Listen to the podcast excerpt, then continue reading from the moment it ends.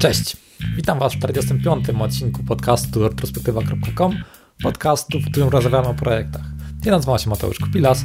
W dzisiejszym odcinku porozmawiamy sobie znowu o grze mobilnej, o grze Crossy Road. 90 dni po premierze gra zarobiła dla swoich twórców ponad 10 milionów dolarów, więc na pewno jest to duży sukces.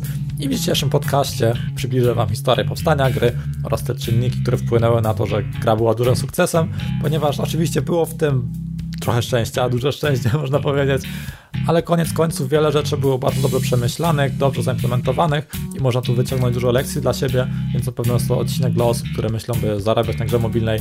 Odcinek prowadzę sam, bez gościa. E, niestety gości takiego kalibru jeszcze nie udaje mi się zaprosić, może kiedyś, więc zapraszam do odcinka podcastu o grze Crossy Road. I heartily endorse this event or product. Jeżeli lubicie retrospektywę, to zapraszam do jej wsparcia na retrospektywa.com gościng wsparcie. Możecie zobaczyć, możecie wesprzeć podcast. Na przykład za niecały miesiąc, 8 kwietnia, startuje przedsprzedaż dodatku do mojej gry karcianej IT Startup Karciana. Zapraszam na itstartup.pl, tam będą szczegóły. I dodatkowo powstaje książka związana z retrospektywą. Taka esencja wszystkich odcinków, najważniejsze lekcje związane z autorskimi projektami, na temat ich tworzenia, promowania. Po szczegóły odnośnie książki zapraszam na retrospektywa.com, ukośnik książka.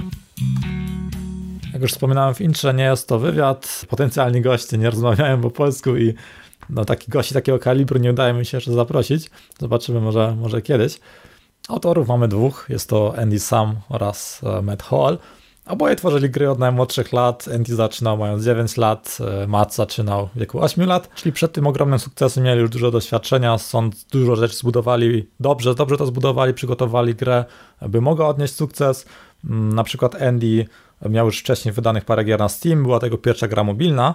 Uczestniczył również w wielu game jamach, natomiast e, Matt Hall e, profesjonalnie zajmował się grami od 15 lat, więc on tutaj był zdecydowanie takim mózgiem biznesowym, więc Andy w tym projekcie był taką osobą od fanów grze, musiał zajmować tą fajniejszą częścią tworzenia po prostu fajnej gry, a Matt był tym rzemieślnikiem, który przejmował wiele tych nudniejszych zadań, jak przygotowanie pod urządzenia, e, instalację tych wszystkich wymaganych SDK, czy szlifowanie gry pod kątem retencji.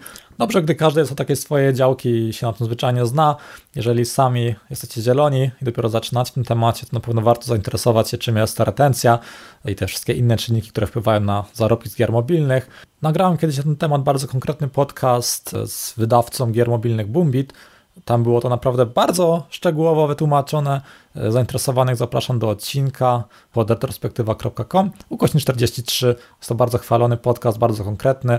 Jest on prowadzony pod kątem tego, jak współpracować z wydawcą, jak szlifować gry, pod kątem tego, by wydawnictwo się nią zainteresowało, ale jest również tam masa informacji, które, które mogą zostać wykorzystane przez solo deweloperów, więc na pewno, e, na pewno jest to odcinek, do którego warto teraz odesłać czyli podcast pod retrospektywa.com ukośnik 43. Warto sobie zanotować. A teraz wracamy do Crossy Road. Prototypując różne pomysły gier, autorzy zastanawiali się, dlaczego taki sukces swego czasu odniósł Flappy Bird.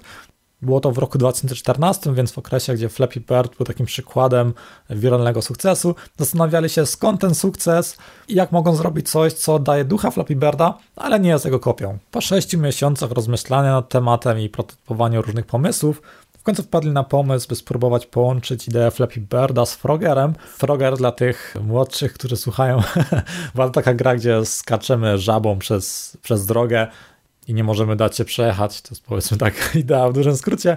I chcieli połączyć e, sukces wiralnego Flappy Birda e, z tym starym frogiem.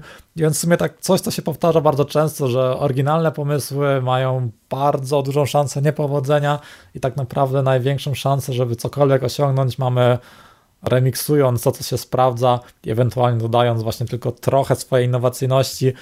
Jest to trochę smutny wniosek, że innowacyjność nie popłaca, ale tak po prostu jest. Warto to powtarzać właśnie osobom, które, które wchodzą do branży, tworząc właśnie jakieś gry, że nie warto wymyślać nie wiadomo jakich innowacyjnych pomysłów, ponieważ najprawdopodobniej będzie to klapa, warto zobaczyć, co się sprawdza, zrobić jakiś remix tego, co się sprawdza, albo nawet kopię i, i tak wtedy mało osób narzeka. Nie bez powodu mówi się na graczy mobilnych userzy, a nie gracze, ponieważ no, nie są tak świadomi jak na przykład typowo gracze, gracze PC czy wychowani na konsolach. W ogromnej większości jest to zwyczajnie kompletnie inny target.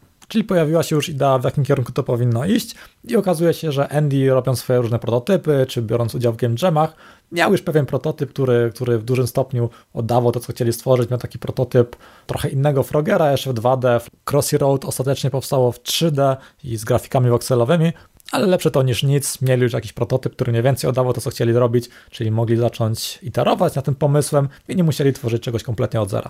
Decyzja zapadła, chcą stworzyć crossover Flappy Birda oraz Frogera. Dali sobie na to 6 tygodni, by nie poświęcać teraz lata na projekt. Mieli zamiar dużo ryzykować z tym projektem, więc zdecydowali: OK, 6 tygodni jesteśmy w stanie stracić. Zobaczymy, co jesteśmy w stanie w tym czasie zrobić. To znowu warto wtrącić, że to ważna lekcja, by tworzyć e, szybciej wiele mniejszych rzeczy, taka mantra w game devie fail quickly. Na pewno nie warto poświęcać teraz roku na coś i zobaczyć, że to za rok dopiero nie wypali. Warto zrobić właśnie więcej prototypów, więcej małych projektów e, w danym czasie i dopiero zdecydować, który tak naprawdę, który ma największy potencjał, który, na który ludzie reagują najlepiej i dopiero wtedy brać się za szlifowanie, iterowanie nad nim, pracę nad feelingiem gry. I tak też zrobili. Mieli jakiś pomysł, który wydawał im się dobry i zaczęły się iteracje nad pomysłem, by krok po kroku poprawiać i poprawiać feeling w grze, sterowanie i tak dalej. Tu warto dodać, że było parę czynników, które wpłynęły na to, że udało się w tak krótkim czasie stworzyć dobrą grę, ponieważ po pierwsze mieli wcześniejszy prototyp, który Andy kiedyś sobie już stworzył, więc nie, zaczynali od zera, mieli bardzo dużo mechanik, które już działały, tylko zmienili trochę grafikę i oczywiście doszlifowali wiele elementów. Oprócz tego e, grafiki nie tworzyli również od zera, ponieważ jedna osoba, z którą Matt Hall wcześniej współpracował, bardzo dużo zajmowała się grafiką wokselową, dużo się ta osoba bawiła wokselami i dostarczyła im dużo wcześniej stworzonych figurek wokselowych, jakieś te samochodziki w grze, e, różne postacie. Po prostu mieli bardzo dużo grafik wokselowych do wykorzystania, mieli e, wcześniejszy prototyp, na który mogli dalej e, iterować, więc na pewno trzeba pamiętać, że nie było to robienie czegoś od zera. Mieli pewne fundamenty, funkcjonujący prototyp czegoś, co mniej więcej chcieli zrobić, bazę grafik wokselowych, z których mogli korzystać, czyli zebrali to, co mają, to, co, to, co według nich ma potencjał i zabrali się za szlifowanie i iterowanie pomysłem. W etapie pierwszych dwóch tygodni tworzenia gry nie mieli jeszcze kompletnie pomysłu, jak gra ma zarabiać. E, był tylko pomysł, by gra była darmowa, ponieważ był to już taki okres, że gry premium na urządzenia mobilne, no nie odnosiły takich sukcesów jak kiedyś, był to już 2014, teraz już jest w ogóle masakra, jeżeli granie jest free to play. Takimi prawami rządzi się już rynek gier mobilnych. Oczywiście nadal gry, gry premium zarabiają, ale nie jest to zdecydowanie taka kategoria jak te gry darmowe, free to play. E, jest to zdecydowanie no, najbardziej dochodowy typ gier, więc po pierwsze gra miała być darmowa, tak jak Flappy Bird, e, by była w ogóle możliwość, by taki poziom popularności zdobyć oraz chcieliby, gra wzbudzała podobne emocje jak Flappy Bird, by było takie uczucie zagrożenia, że jeżeli zaraz coś nie robimy, zaraz nie klikamy, to ten ptak w grze spada i giniemy. Tak samo e, w Crossy Road, jeżeli nic nie robimy, to tam nasza kura, czy tam czym chodzimy w tym Crossy Roadzie, zostanie przejechana przez jakieś auto albo wpadnie gdzieś, że trzeba coś robić, by przeżyć. To było początkowe założenie, gra ma być darmowa oraz wzbudzać takie uczucie zagrożenia. Podczas wprowadzania różnych pomysłów, testowania różnych rzeczy, e, bardzo dobrze, bardzo dobrze sprawdziło się wprowadzenie monet w grze, wprowadziło to taki risk-reward feature, czyli bardzo dużo ryzykujemy, by teraz zebrać jakąś monetę, e, która znajduje się przed ciężarówką. Możemy zdecydować, że idziemy bezpieczną drogą lub podejmujemy ryzyko, by zebrać monetę. Sprawdzało się to dobrze, nawet bez możliwości wykorzystywania tych monet w jakikolwiek sposób, więc e, warto pamiętać o tym, że znajdźki w grze no zwyczajnie się sprawdzają, ludzie lubią zbierać monety, nawet jeżeli to niczemu nie służy, a jeżeli jest jakiś cel, no tym lepiej. Kolejna ważna decyzja to sterowanie. Ma to być e, one-tap game, tak samo jak Flappy Bird, gdzie tylko klikamy w ekran i coś się dzieje, czyli na przykład podskakuje jakaś postać, czy ma być tam dodatkowa opcja sterowania, na przykład przez, przez swipe'owanie, by postać poruszała się również w lewo, w prawo. Początkowo była to gra typowo e, one-tap i zdecydowano, że jest to trochę za mało i wprowadzono ten swipe, przez dwa dni podjęto decyzję, że przez dwa dni nie zmieniają e, tego swipe'owania, tylko testują właśnie ze swipe'em, ponieważ no pamiętajcie, że jako twórca gry często tracimy, tracimy jakikolwiek, e, jakikolwiek dystans do gry i warto sobie czasami założyć, że ok, nie zmieniamy tego co chwilę, tylko zostawmy daną opcję sterowania na parę dni, potestujmy to. Jednak zdecydowano się, że, że swipe zostaje jako taka nie, do, nie na 100% konieczna opcja, dalej można było grać, grać na zasadzie one-tap, by łatwiej, by, by łatwiejsze wejście do gry, by bardziej by ci gracze, którzy są dużo mniej zaawansowani i w grach mobilnych mogli łatwiej zacząć, czyli gra dalej działała jako one-tap, ale jako bardziej zaawansowana opcja ten swipe również działał, więc wszystkie levele działały tak, że w wielu przypadkach przez one-tap dało się grać, a swipe był opcjonalny dla bardziej zaawansowanych graczy. I tu znowu moje wtrącenie, ważna, bardzo ważna lekcja, e, błąd, który popełniałem milion razy. E, jeżeli na czymś pracujemy, no w tym przykładzie e, nad grą, to nie twórzmy jak najwięcej treści, czyli w przypadku gry mobilnej jak najwięcej na przykład jakichś poziomów w grze. Jeżeli te solidne podstawy nie siedzą, jeżeli sterowanie nie jest super, ten feeling gry nie jest dopracowany, nie jest zwyczajnie bardzo dobry, to nie warto tworzyć dużo średniej albo słabej treści. Lepiej mieć małą grę, ale za to bardzo dopieszczoną, bardzo dopracowaną.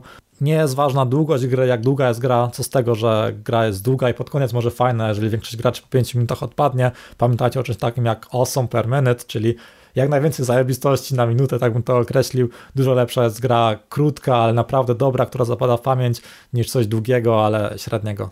Sporo rzeczy już się działo, było sterowanie, była fajna grafika i teraz trzeba było trochę przysiąść nad, nad tymi ważnymi rzeczami, które wpłynęły na to, że gra była w stanie odnieść sukces, czyli retencja, potencjalna wiralność i re-engagement. Tym zajmował się, się Matt. On był właśnie od tych optymalizacji trzech rzeczy. Sam mówi, że praktycznie połowa jego pracy, jak nie więcej, to było właśnie e, śrubowanie tych ważnych czynników. A Andy mógł zajmować się właśnie tym, tym fanem e, tworzenia fajnej gry bardzo, bardzo duże szczęście e, mają, że tworzą właśnie dwie osoby, mając taki zgrany zespół, gdzie każda osoba zajmuje się tym, no, na czym się zna i co ma ochotę robić. Jeżeli, jeżeli sami coś tworzycie, to pamiętajcie, że no, tworzenie gier, game dev jako hobby to jest super rzecz, jeżeli nie musicie się przejmować tym, że to jest coś, czym zajmujecie się teraz full time przez pół roku i no za coś trzeba płacić rachunki, coś trzeba jeść. E, jeżeli faktycznie chcecie się tym zajmować e, biznesowo, to musicie się zainteresować takimi właśnie czynnikami jak retencja. Jeszcze raz przypominam, niedawno był podcast e, z wydawcą gier mobilnych, już przypominałem o tym w podcaście, ale jeszcze raz powiem, retrospektywa.com ukośnik 43, warto sobie zanotować podcast z wydawcą gier Boombit, Naprawdę świetnie tam to było wytłumaczone, e, konkretne liczby i wszystko. E, zanotujcie sobie retrospektywa.com ukośnik 43. Jeżeli poważnie myślicie nad zarobieniem na swojej grze mobilnej, to jest to odcinek obowiązkowy. Mówiłem już w tym odcinku, że miksowanie tego, co działa, no jest dobrą praktyką, jeżeli chcecie odnieść sukces.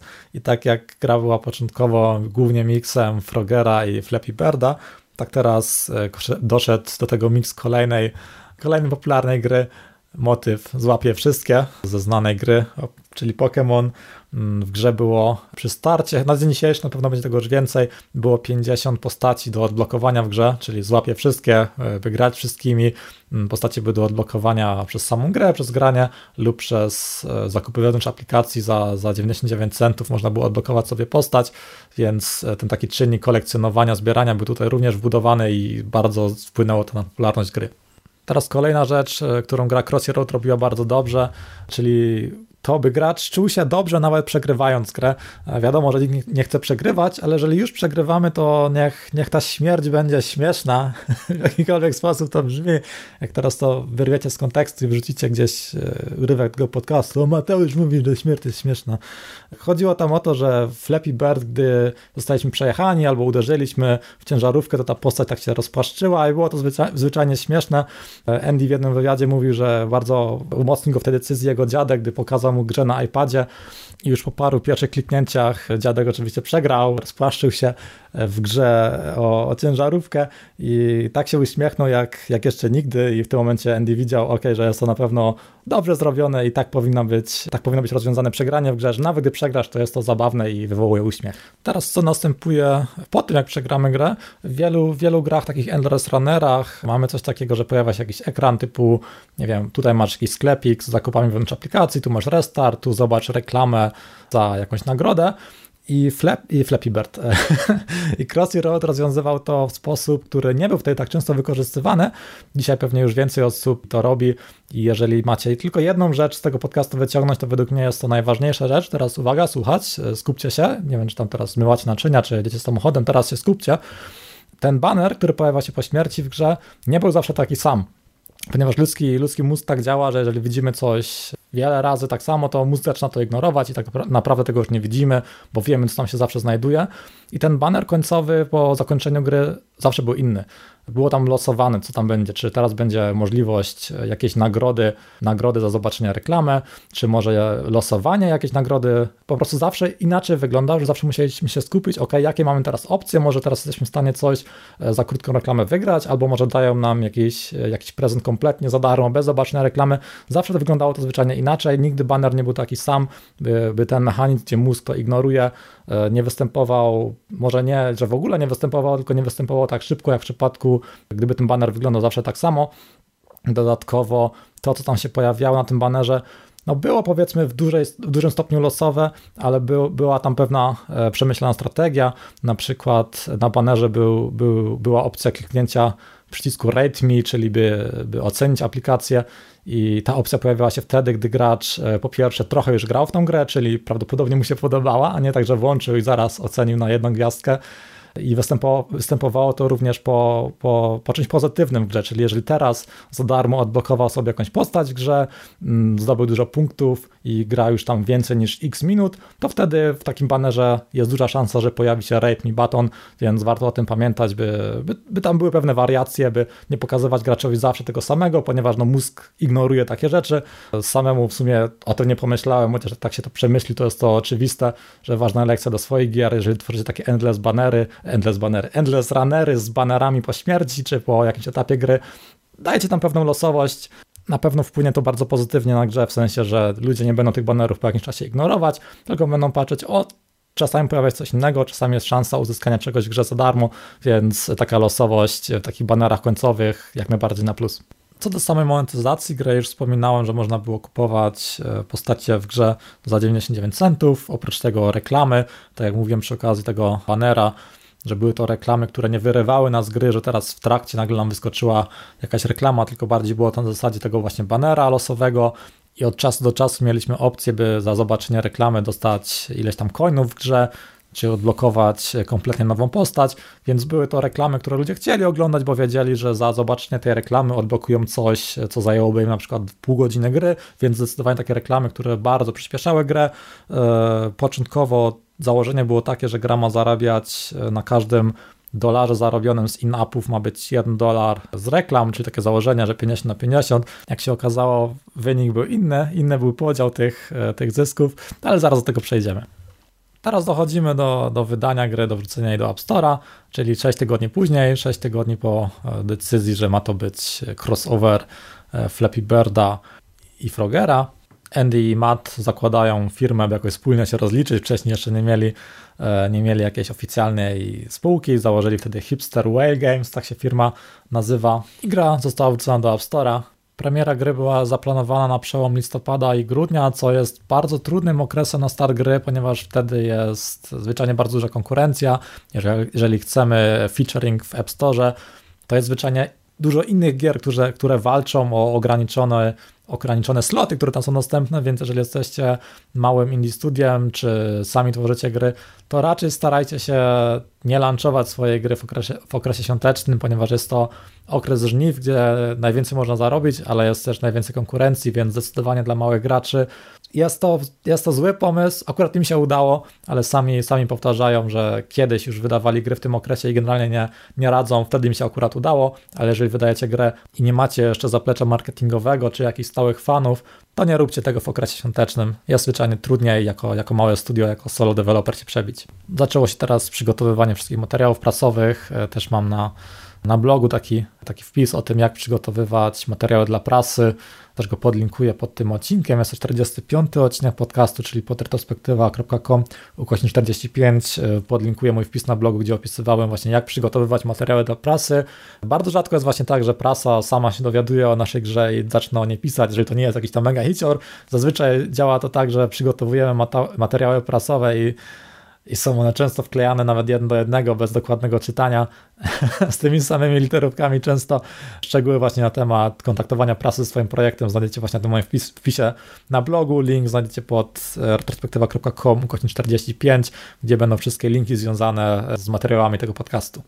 Gra wychodzi w App Store, załapała się na featuring w App Store i w ciągu pierwszych paru tygodni e, zarabia dla twórców 600 tysięcy dolarów, co mniej więcej rozkłada się na lifetime value, czyli jeżeli patrzymy, że na początku gra tyle zarobi, to przez cały swój cykl życia prawdopodobnie zarobi 7 milionów po takim początkowym skoku pobrań przez, przez featuring w App Store zazwyczaj jest zdecydowany spadek, czyli na początku mamy bardzo dużo pobrań, a później przez cały cykl życia jest tego już mniej, są jakieś tam cykliczne promocje, ale generalnie ten początek jest najważniejszy, wtedy jest najwięcej pobrań. I w przypadku Crossy Road było to dziwne, ponieważ pobrania zaczęły rosnąć, nie było tego oczekiwanego spadku, tylko był generalnie trend wzrostowy. Początkowo twórcy nie mogli sobie tego do końca wyjaśnić, ale zaczęli śledzić grę na Twitterze i okazało się, że gra była bardzo wiralna, bardzo dużo osób wrzucało na, na Twittera na przykład jedna szkoła zorganizowała turniej. Flappy Birda było zdjęcie z pewnej szkoły, gdzie na dużym ekranie był turniej. Znowu mówię Flappy Birda, Crossy Road oczywiście. Kurde, ciekawe ile razy w tym odcinku się pomyliłem i zamiast e, Crossy Road powiedziałem Flappy Bird. PewDiePie zagrał w Crossy Roada, przez to, że gra jest taka wiralna, więc zadbanie o to, by gra była bardzo dopieszczona, e, wiralna, memiczna, jak to nie brzmi tak strasznie komercyjnie, że trzeba właśnie zadbać o memiczność gry, ale memy się sprzedają, więc e, warto tu poświęcić sporo czasu, by, by tylko była przyjemna dla, dla graczy, tylko również e, dla tych, którzy oglądają, jak ktoś gra. Wtedy właśnie streamerzy, youtuberzy chętnie pokazują grę, bo im zależy na wyświetleniach, by zarobić z reklam, a my mamy reklamę przez to, że nasza gra jest wyświetlana, więc w sumie taki win-win. Warto o tym pamiętać przy tworzeniu projektowania gry, by gra nie tylko była fajna jeżeli chodzi o granie, ale również fajna, jeżeli chodzi o oglądanie. Wracając teraz do tematu zarobków i proporcji, zarobku z reklam i zakupu wewnątrz aplikacji, to tak jak początkowo zakładali, że będzie 50 na 50, mniej więcej pół na pół, e, to rzeczywistość była taka, że była to proporcja 6 do 1, czyli na każdym dolarze zarobionym na zakupu wewnątrz aplikacji zarabiali 6 dolarów na reklamach, czyli zdecydowanie dużo więcej zarabiali na reklamach na tej, w tej początkowej fazie podczas tych pierwszych tygodni e, od, od premiery gry. Oczywiście chcieli przeanalizować, dlaczego zakupy wewnątrz aplikacji radzą sobie tak źle w porównaniu, w porównaniu z zarobkami, które generują reklamy. Przecież w przypadku gier free-to-play często jest to 50 na 50, właśnie tak jak zakładali, albo zakupy wewnątrz aplikacji generują zdecydowanie więcej niż reklamy. I tu znowu sprawdzali sobie na Twitterze, co ludzie piszą i często pojawiała się taka opinia, że gra w sumie wydaje się grą premium, ponieważ nie ma e, wewnątrz niej zakupu e, jakiejś, e, jakiejś waluty, którą można później zakupić. Inne rzeczy kupuje się tylko konkretne postacie, więc trochę, trochę mylili grę właśnie z, grą, z grą premium, więc do końca gracze nie wiedzieli, co to jest za gra, czy to jest gra premium, czy nie premium. Dodatkowo zakup takiej postaci wydawał się kiepskim wyborem, jeżeli chodzi o wartość tego zakupu, ponieważ praktycznie po paru pierwszych godzinach gry już ma się odblokowane 15 postaci w ogóle bez żadnych zakupów, więc e, ten zakup miał, miał zwyczajnie w oczach graczy kiepską wartość i tutaj zdecydowali się wprowadzić e, inną, inną postać, która była trochę droższa od tych pozostałych i była takim sygnałem, hej, jeżeli chcecie wesprzeć, wesprzeć twórców, to tutaj za 3 dolary czy za ileś wykupcie tą postać, to wspieracie deweloperów gry. Dodatkowo zastosowali coś, co sami nazwali jako salami sales tactic, czyli zastanawiali się, jak sprzedawca salami może przekonać kogoś, że to jest najlepsze salami, nie za słone tam albo bardziej słone dla ciebie. Taki sprzedawca salami dawałby darmowe próbki, które, które jakoś podsycą apetyt, ale nie dają się najeść. I tak właśnie, jeżeli ktoś skąd on ma wiedzieć, czy on chce konkretną postać w grze wykupić, jeżeli nigdy jej nie, nie mógł wypróbować. Dlatego wprowadzili teraz w tym, w tym banerze końcowym jako jedna z opcji, że można sobie wybrać, że ok, teraz za darmo, bez wykupienia jakiejś konkretnej postaci, można sobie chwilę nią pograć i jeżeli Ci się podoba, później ją kupić. Więc taki, taka taktyka sprzedaży salami, tutaj spróbuj sobie za darmo. Jeżeli Ci się spodoba, chcesz więcej, to, to możesz wykupić e, tą postać na stałe. Czyli wprowadzono parę takich usprawnień, przemyślanych, przemyślanych zmian i efekt był następujący, tak jak był wynik 6 e, do 1, czyli reklamy zarabiały 6 razy więcej niż, niż zakupy wewnątrz aplikacji, to po tych zmianach wynik był 2 do 1, czyli dużo, dużo lepiej. I wszystko przez proste, dobrze przemyślane zmiany, które tak naprawdę no, dla graczy nie były inwazyjne, były to sensowne zmiany, które były korzystne dla obu stron. Gracz mógł za darmo wypróbować różne postacie i dzięki temu częściej decydował się, że ej, ta postać mi się podoba, chętnie wykupiłem na stałe, czyli on kupował postać, która mu się faktycznie podoba, która, którą mógł wcześniej przetestować i wie, że tym lubi sobie grać i dzięki temu deweloperzy mieli więcej kasy, bo ludzie kupowali salami, które wcześniej skosztowali. Tu jeszcze zapomniałem wspomnieć, ta jedna droższa postać, którą można było wykupić, żeby wesprzeć deweloperów. Oczywiście dawała również bonusy graczom, to nie tylko tak, że, że oto tutaj kupcie tą postać, by wesprzeć deweloperów, by wpłacić więcej kasy. Była to również postać, która sprawiała, że opcjonalnie pojawiały się e, dodatkowe znajdźki na planszy, więc gracz, gracz również mógł zdobyć więcej punktów zwyczajnie w grze, grając tą postacią. Była to taka świnka w grze, jak skarbonka, i odpowiadała ona za 30% zakupu wewnątrz aplikacji, czyli, czyli 30% zarobków wszystkich in-appów była właśnie na tą postać premium za, za 3 dolary. Kolejne usprawnienie było związane z tym, jak gra miała być promowana e, podczas e, osiągania wyniku. Jeżeli mamy określony wynik, że teraz gra się zakończyła, zginęliśmy, mamy jakiś tam wynik, to była możliwość szerowania swojego wyniku na mediach społecznościowych i dla wielu osób nie było to oczywiste, że, że taka, taka opcja w ogóle jest możliwa i wprowadzono Polaroid Picture, taki efekt, robimy zdjęcie, taki efekt robienia jakby zdjęcia i później pojawia się opcja szerowania i wtedy dla więcej osób było oczywiste, co to w ogóle jest. Ok, że jest teraz zdjęcie e, naszego wyniku, w jaki sposób zginęliśmy i to możemy szerować i takie usprawnienie spowodowało, że właśnie w tym czasie, e, parę tygodni po premierze, Analityka Crossy Road wykazywała, że ponad milion razy dziennie na iOSie był klikany e, share button, e, by pokazać swój wynik na mediach społecznościowych, więc masę darmowej reklamy przez proste usprawnienie, przez taki efekt robienia zdjęcia naszego wyniku. Później pojawił się okres świąteczny, czyli czas, gdzie najwięcej gier zdobywa się zdobyć sloty w App Store i tak się złożyło, że Crossy Road był wtedy grą numer jeden w App Store i tylko jednego dnia zarobił 125 tysięcy dolarów, więc e, jest to, jest to bardzo ryzykowne startować w tym okresie, ponieważ wtedy jest najwięcej konkurencji, ale jeżeli faktycznie w okresie świątecznym się wbijecie wysoko, to jest to potencjał na bardzo duże zarobki. I to wszystko, o czym teraz mówimy, te liczby i przygotowanie, jest to wszystko na start właśnie w Apple App Store. Początkowo gra była tylko na iOS, teraz był planowany, e, planowała, planowana była premiera mm, wersji na Androida w Google Play i premiera była zaplanowana na 7 stycznia. Startem Google Play nie zajmowali się już samodzielnie, e, szukali sobie teraz e, kogoś do pomocy, jeżeli chodzi o publishing e, wersji na Androida w Google Play. I wyniki oczywiście również były bardzo dobre, ponieważ gra była bardzo wiralna, wszyscy czekali, aż w końcu na Androidzie będą mogli sobie zagrać. Na przykład dostali tablet na święta z Androidem i o, nie mogą sobie grać w Crossy Roada i wszyscy czekali na tą premierę.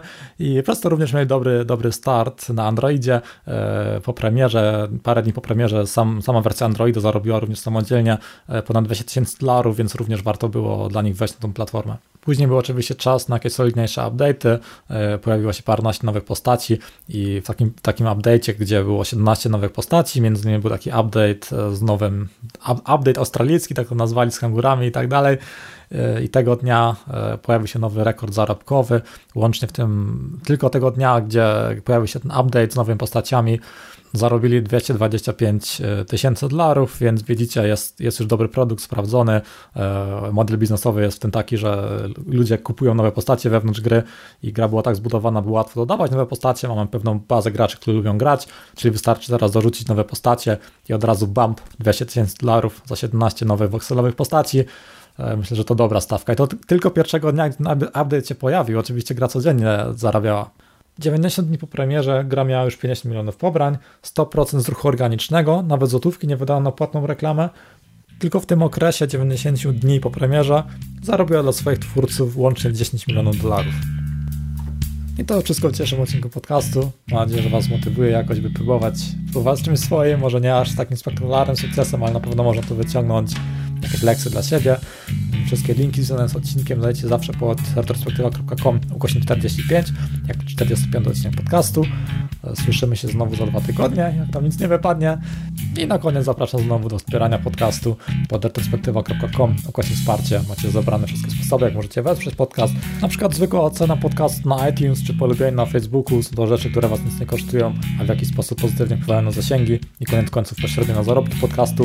I zapraszam również 8 kwietnia e, startuję przez sprzedaż e, dodatku do mojej gry karcianej IT Startup Gra Karciana. Gra karciana, w której zagrywamy programistów, podkradamy ich sobie działem HR, uczymy programistów kartami wiedzy. Startuje dodatek taki gangstersko-przekrętowy, e, czyli ta taka ciemna strona IT, przeszkadzanie sobie wzajemnie, więcej sabotowania, więcej negatywnej interakcji, czy wykorzystywanie taniej siły roboczej skończonej liczby studentów.